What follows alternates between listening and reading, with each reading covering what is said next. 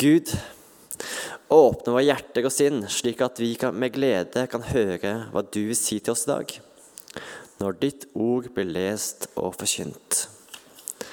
Gud, vi ber. Og dagens tekst den er hentet fra Hebrebrevet.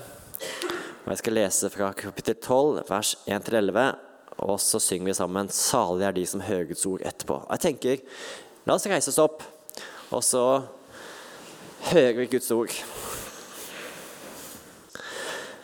Därför, när vi har så stor en sky av vittnen omkring oss, så låt oss lägga av allt som tynger, och synden som så lätt fanger oss in, och med uthållighet fullföljer det löpet som ligger foran oss, med blicket fästet på Han som är trons upphovsman och fulländer, Jesus.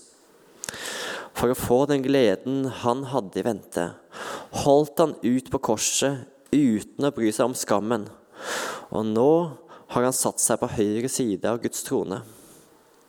Ja, tenk på ham som holdt ut en slik motstand fra syndere, så dere ikke blir trette og motløse. I kampen mot synden har dere ennå ikke gjort slik motstand at det, kors, at, at det kostet blod. Har dere glemt den formaningen som taler til dere som til barn? Min sønn, forakt det ikke når Herren irettsetter. Mist ikke motet når han refser. For den Herren elsker, viser han til rette. Han straffer hver sønn han tar seg av. Hold ut, og la dere oppdra. For Gud tar seg av dere som sønner. Ja, la meg få se den sønnen som faren ikke viste til rette. Hvis dere ikke blir vist til rette som alle andre, er dere ikke sønner, men uekte barn. Vi har hatt våre jordiske fedre som oppdro oss, og vi hadde respekt for dem. Har vi ikke mye større grunn til å bøye oss under åndenes far, så vi kan vinne livet? For fedrene viste oss til rette bare en kort tid, og slik de selv syntes var best. Men han gjør det til vårt beste, for at vi skal få del i Hans hellighet. All irettesettelse synes nok å være mer til sorg enn til glede mens den står på. Men siden gir den tilbake fred og rettferd som frukt hos dem som har blitt opphøyd ved den. Hej och välkommen till den åttonde talet i denne taleserien. Vi har en taleserie om ett liv i Jesus, som med andra ord å livet som Jesu disippel i 2023. Og eh, jeg vil fortelle dere først en historie fra mitt eget liv. Fordi jeg og familien min vi har flyttet opp til Norge i 2010. Og eh, I starten skjedde det mye som var litt vanskelig å forstå eller tolke riktig. Og noen var litt morsomt, og noen var ikke så veldig morsomt. Det er bare sånn. Og En dag fant jeg et lite hefte i postkassen. Det var ett märkligt litet häfte.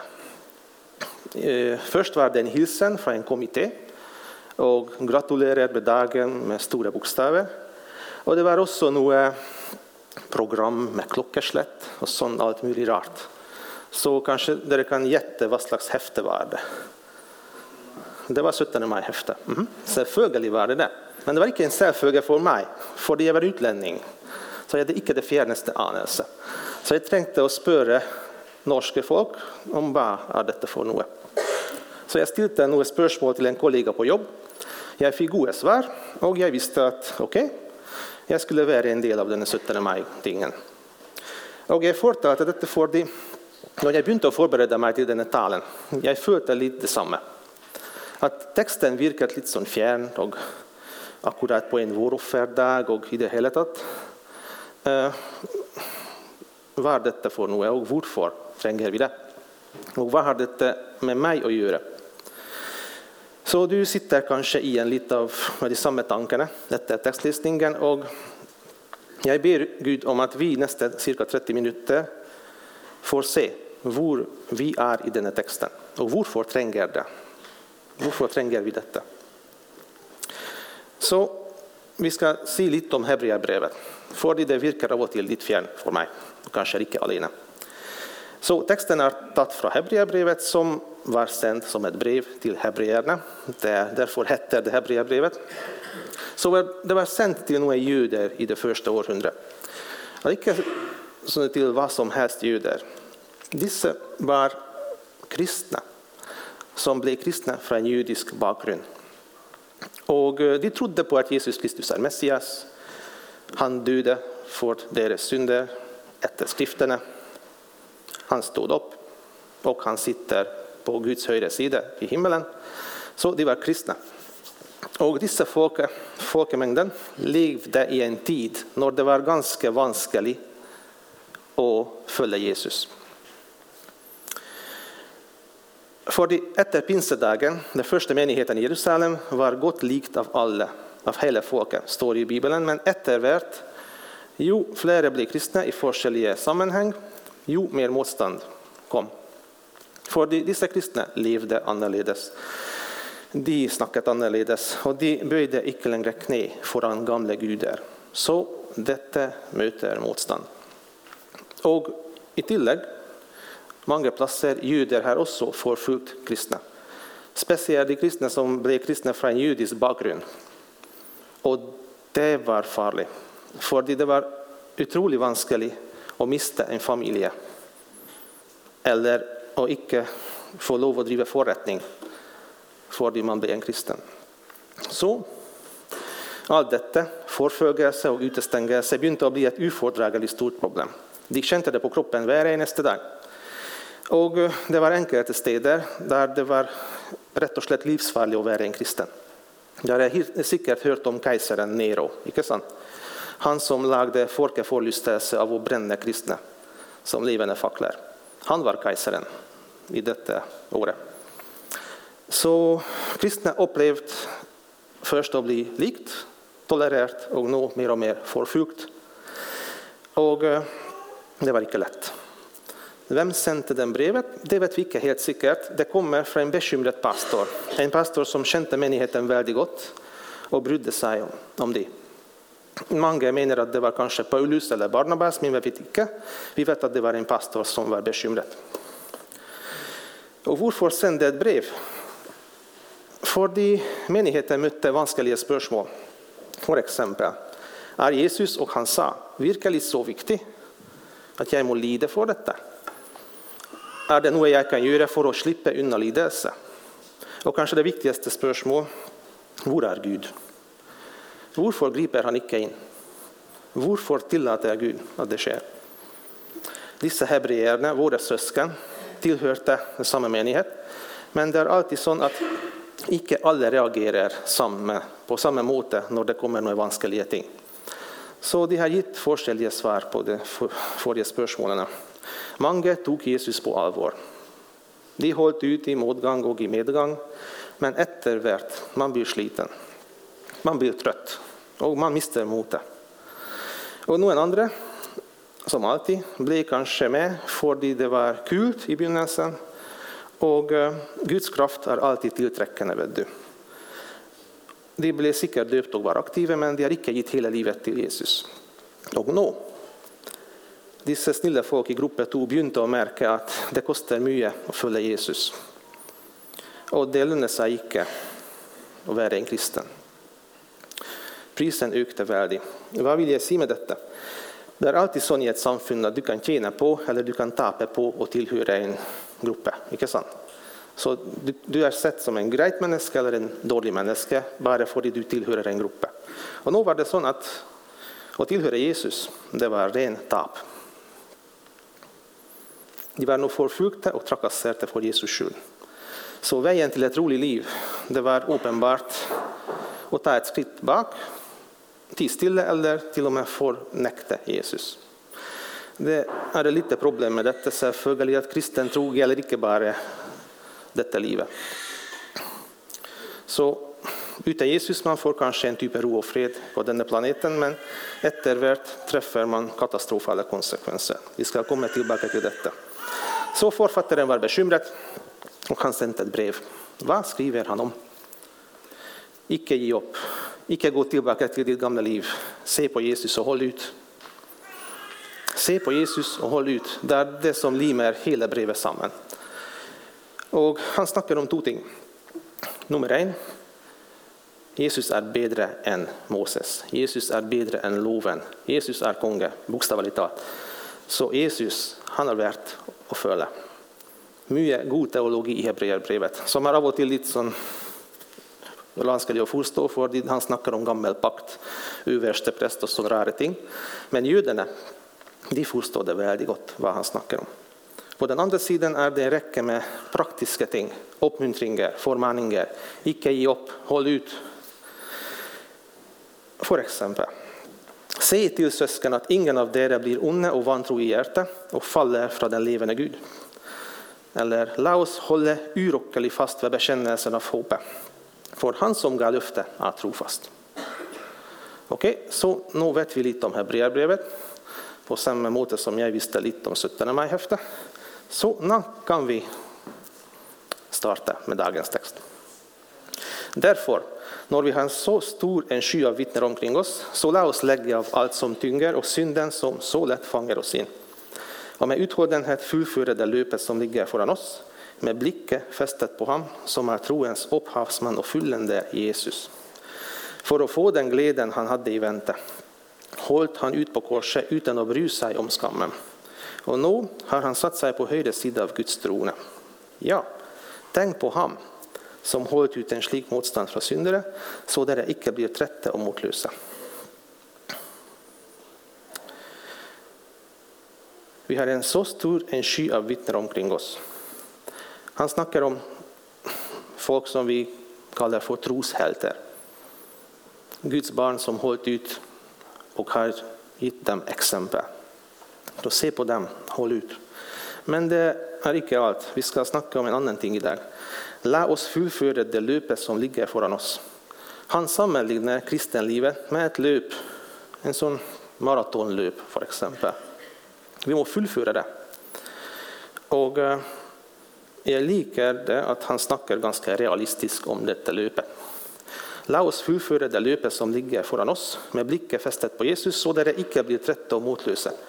Jag liker väldigt gott att Bibeln icke pyntar på ting. Fordi disippellivet kan av och till vara slitsamt. Och eh, selvfølgelig kan det vara. Fordi icke alla liker att vi följer Jesus, och vi träffar motstånd. Och vi själva är icke syndfria heller, så synden i oss vill locka oss till att stoppa upp och väga i en annan direktion. Det sker. Och man kan bli motlös. Det kan komma en tanke snikande. Jag gidder icke mer. Jag tar en paus. Och jag var också där ett par gånger. På den mörka platsen där Gud syntes så var det långt borta, hvis han finns en gång, tänkte jag. Och allt såg hopplöst ut. Men Gud har med i beräkningen att kristna kan bli trötta och motlösa. Och det är gott att veta. Så det är inte en unaturlig ting. Och vi kan gott inrymma att det är okej att inrymma att icke allt alltid är bara grejt. Så Bibeln är ärlig. Så vi kan också vara ärliga med oss själva och med andra. Så vi tar med oss vidare från detta avsnittet att Gud har med i beräkningen att kristna kan bli trötta och motlösa. Vi tränger uthållenhet. Och i kampen mot synden har dere icke, ännu icke gjort slik motstånd att det kostar blod. Har dere glömt den förmaningen som talar till dere som barn? Min son förakt icke när Herren irättesätter, mist icke motet när han räfser. För den Herren älskar visar han till rätta, och han straffar var son han tar sig av. Håll ut och låt dere uppdra. För Gud tar sig av dere som sönder. Ja, låt mig få se den son som faren icke visar till rätta. Hvis dere icke blir vist til rette som alla andra, er dere icke sønner, men uäkta barn. Vi har haft våra jordiska fäder som uppdrog oss, och vi hade respekt för dem. Har vi icke mycket större grund till att böja oss under åndenes färd, så vi kan vinna livet? För fäderna visste oss til rette bara en kort tid, och slik de selv syntes var bäst. Men han gör det till vårt bästa, för att vi skal få del i hans härlighet. All irettesättelse syns nog vara mer till sorg än till glädje, men den står på. Men siden ger den tillbaka fred och rättfärd som frukt hos dem som har blivit uppövd vid den. Så han tar egentligen två vers från ordspråken tre och utdyper budskapet som de visste egentligen fra förr. av. Legg merke ordet förmaning. Det är ett lite märkligt ord, vi brukar det inte så väldigt ofta. Det er et veldig positivt ladet ord, egentlig. Det betyr på den ene siden det betyr irettesettelse, eller på gammelt språk tukt. Det betyr også veiledning. Men på den andre siden det betyr trøst og oppmuntring. Så noen som formaner deg, den personen er en som bryr seg om deg og vil hjelpe. Så vi vet nå at Skriften sier at kristenlivet kan være tungt og vanskelig i perioder. Vi trenger utholdenhet, men nå vil forfatteren gi oss noe som hjelper å holde ut. Så hva er det? Det er en liste i denne teksten. Han snakker om Guds gode gaver. Se her. Herren elsker oss. Gud tar seg av oss som sønner. Vi skal vinne livet. Gud gjør noe til vår beste. Vi skal få del i Hans hellighet.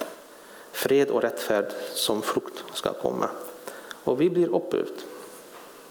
Hva sier du om det? Jo, hei. Det er noe jeg vil ha. Takk Gud, du er åpenbart en god Gud. Fordi det er akkurat det vi trenger. Men det er litt spesielt at uh, eh, han snakker ikke bare om det. Men det listet er sammenblandet med noe annet som kommer fra samme bibelvers.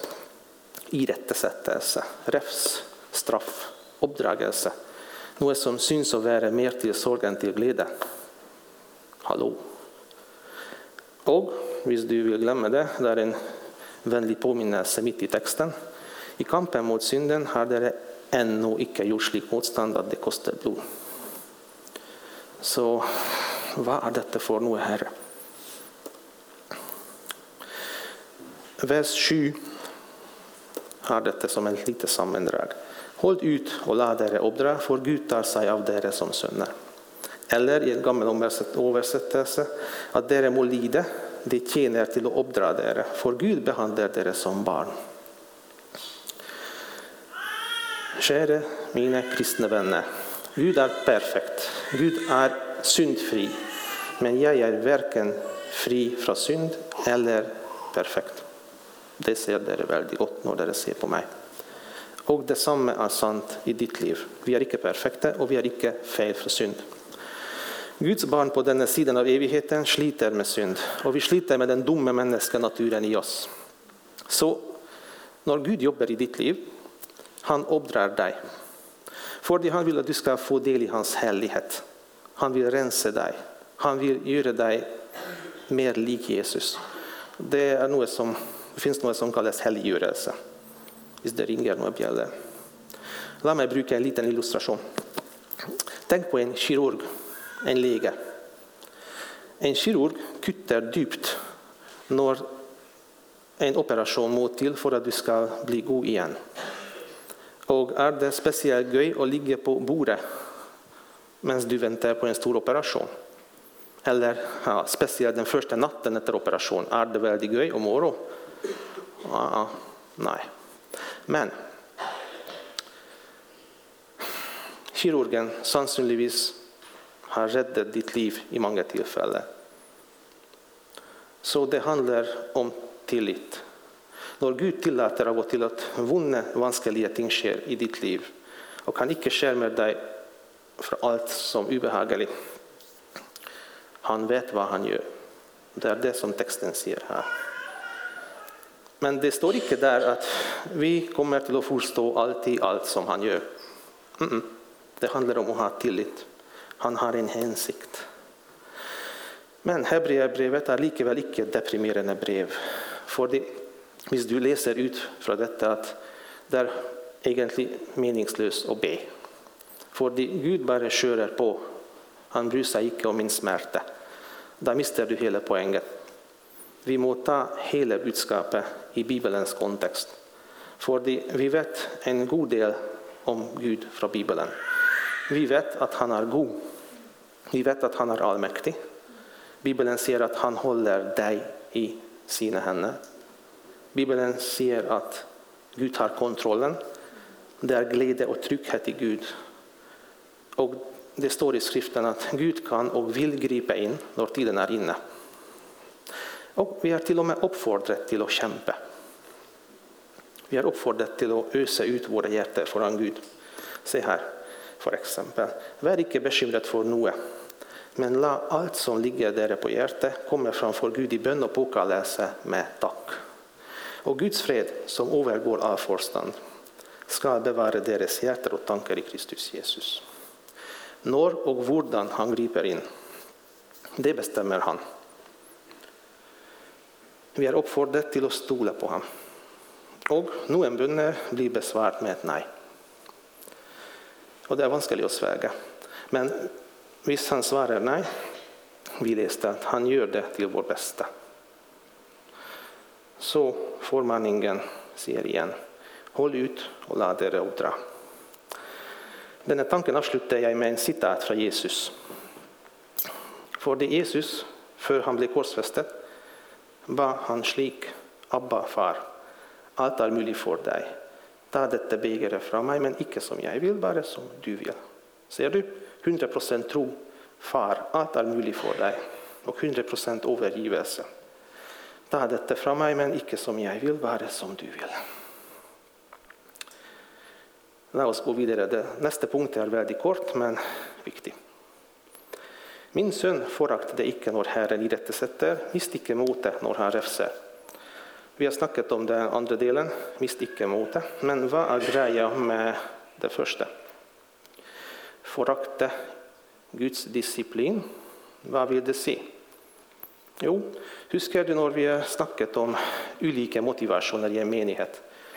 Noen er med fordi de skjønner alvoret, och de skjønner att kristen tro handlar om att ha ett desperat behov för en frälser.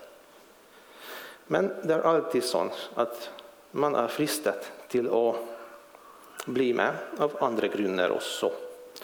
F.eks. exempel för att få något ut från Gud. Det går an att tänka slik. Jag är med för att mina planer och Guds planer löper parallellt. Så jag får nu ut från det, att jag är med.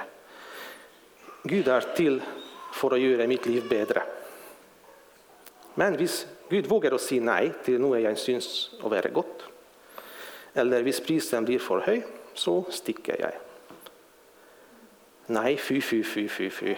Vi hade aldrig tänkt slik. Och ingen av oss sa detta vid medlemsuppstakelse heller. Men det är en fristelse. Och eh, låt mig ställa dig ett spörsmål som Gud ställde mig medan jag förberedde mig till talen. Jag likte inte detta spörsmål, men det är viktigt.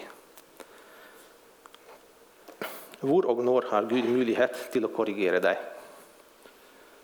Ett enkelt spörsmål. Finns detta, finns denna idén i ditt kristenliv? Är det Gud som tar avgörelserna eller är det så att han är bara inviterad till att välsigna det du finner på? När var det sista gången att Gud sa nej? Och vad har du gjort?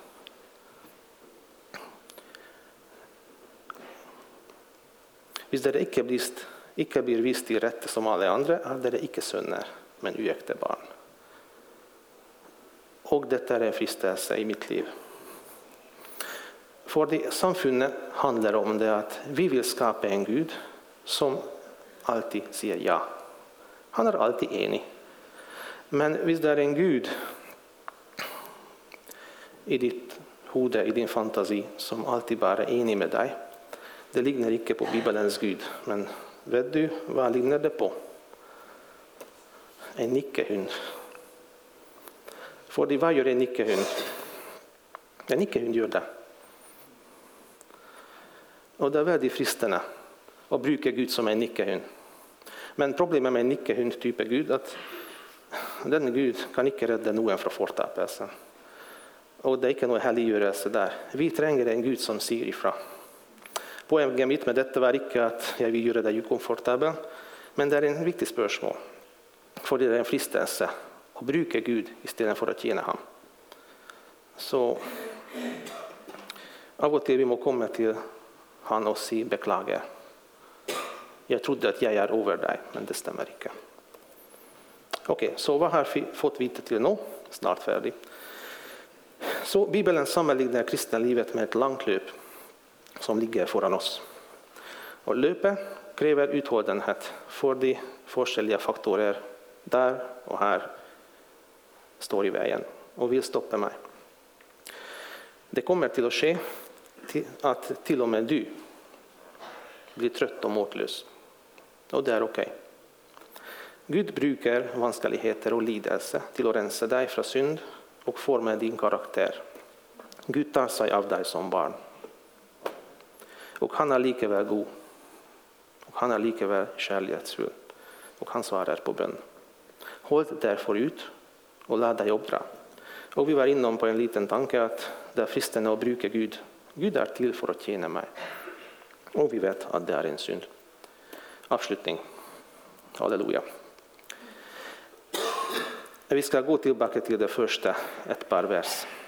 För det, vi hörde om en förmaning. Låt oss fullföra löpet med blicken fästet på ham som är troens upphavsman och fulländer Jesus. Men om det ger till dig och till mig kraft, det är avhängigt av en enaste ting. Egentligen. Det är avhängigt av en ting. Nämligen, vem är Jesus i dina ögon? Vem ser du när du ser på Jesus? Vad ser du där? För att få den glädjen han hade i väntan höll han ut på korset utan att bry sig om skammen. Och nu har han satt sig på höger sida av Guds trone. Allt jag sa till nu, att han vill uppdra oss, att det är bättre för mig om jag tillåter det, det ger inte någon mening om jag inte stolar på honom. Och varför kan jag stola på honom? Korset var det mest grusomme henrettelsesmetoden romerna klarade att finna på. Det var reserverat för de värsta av de värsta av de värsta. Och Bibeln fortäller oss att Jesus Kristus, Gud i människokropp, kropp, kom till jorden för att dö på ett slikt kors, med vilja. Och Bibeln fortäller oss om varför var det nödvändigt och det är det som trängs, att vi förstår det. Det var nödvändigt att han kom och dödade på ett kors för vi alla människor är under Guds dom. Vi lever i ett upprör. Och uppröret för till en räcka synde, syndfulla ting. Gud kallar det för synd när du är din egen Gud och när jag är min egen Gud. Och eh, någon sa att vi lever med ryggen vänd mot vår skapare. Jag snudde ryggen mot honom. Alla känner på att det är något galet med vår värld och alla känner på att det är något galet med oss. Och Bibeln ger ett svar vad som är galet. Det är synd som är galet. Och det är något Gud inte tåler. Och det för till en evig död till slut. Jesus tog, sig, tog på sig straffen för dina synder och för ditt upprör mot Gud på korset. Han betalade den högsta prisen för att köpa dig fri från döden. Och vi kallar Jesus för frälsare. Och vet du vem tränger en frälsare? En som är i trubbel och som icke kan hjälpa sig själv. Så vi är i trubbel och vi kan icke hjälpa oss själv. Och Jesus på korset visar två ting. Nummer en, du och jag, vi är så totalt förtappade att Gud själv trängt att betala med sitt liv för att vi kan gå fri. Fakta nummer två, han var villig att göra det. För han älskar oss så högt. När det, när det går upp där förstår vi att Gud visste en oförtjänt nåde mot dig och mot mig. Och du har möjlighet till att bli Guds barn idag. Vi har möjlighet till att tänka på detta igen och igen och igen och vi kan leva i fällskap med honom. Bibeln säger att alla som tog emot honom, dem gav han rätt till att bli Guds barn, de som tror på hans namn. Visst du är med, men du är du kallar dig kristen, men du lurar på om det är värt att följa Jesus på ordentligt, så kom och ta emot nåden. Det går an att be om tillgivelse. Gud, jag inser nu att jag vill bara bruka dig, men du är icke min Herre. Gud har sitt, gett sitt liv för dig och han vill att du överger ditt liv till honom. Det ska vara ett äkta våroffer, för att säga det så. Vi vill gärna be samman med dig och svara på dina spörsmål, hvis du känner att det är din dag idag att göra det. Bara i besked till mig eller till Per efterhvert. Okay? Och hvis du allerede har tagit emot nåden, så du är en bekännande kristen. Jag vet att fortällningen om korset fyller våra hjärtan med jubel, för det Jesus har gjort det för oss. Vi har all grund till att vara tacknämliga. Se vad Jesus har gjort för dig. Gud förtjänar att vi stolar på honom. Också när löper krevende, när han räfsar. Han förtjänar din tillit på hela löpet. Och han sitter nu på höjda sida av Guds trona och ska hälsa på dig med ett smil när du kommer i mål i himmelen. Se här. Det är bra, du går och tror tjänar. Du har varit tro i lite. Jag vill sätta dig över mycket. Kom in till glädjen hos din Herre. Så vi har ett perspektiv. Lidelse varar icke evigt. Och han är med på vägen. Men du är kanske blivit sliten, eller bitter, eller måtlös på vägen. Du är kanske sint på Gud. Det sker. Är det icke tid till att komma hem? Och komma till Gud och säga okej, okay, kan vi gå vidare samman? Jag klarar det icke utan dig. Kom och ordna upp sin sak med din Herre. Låt honom uppdra dig. Fullför löpet. Se på korset. Det är värt det. Jag vill avsluta med tre vers från en gammal, gammal bok. Jesajas bok. Han ger den trätte kraft. Och den som ingen krafter har ger han stor styrka. Gutter kan bli trötta och slitna, unga män kan snubbla och falla. Men de som väntar på Herren får ny kraft. De lyfter vingarna som örnen. De löper och blir icke utmattade. De går och blir icke trötta. Låt oss be. Herre, tack för att du har gjort allt för mig. Tack för att du har slättat min synd och jag kan vara ditt barn. Tack för att vi kan vara trygga i dina händer, alla som stolar på dig. Och tack för att du, du är en Gud som, som bryr sig. Och eh, tack för att du är med oss på vägen. Hjälp mig och hjälp oss att förstå hur viktigt det är att du har offrat dig själv på korset. Och hjälp oss att komma till dig med allt som sker. Och tack för att vi har en chans.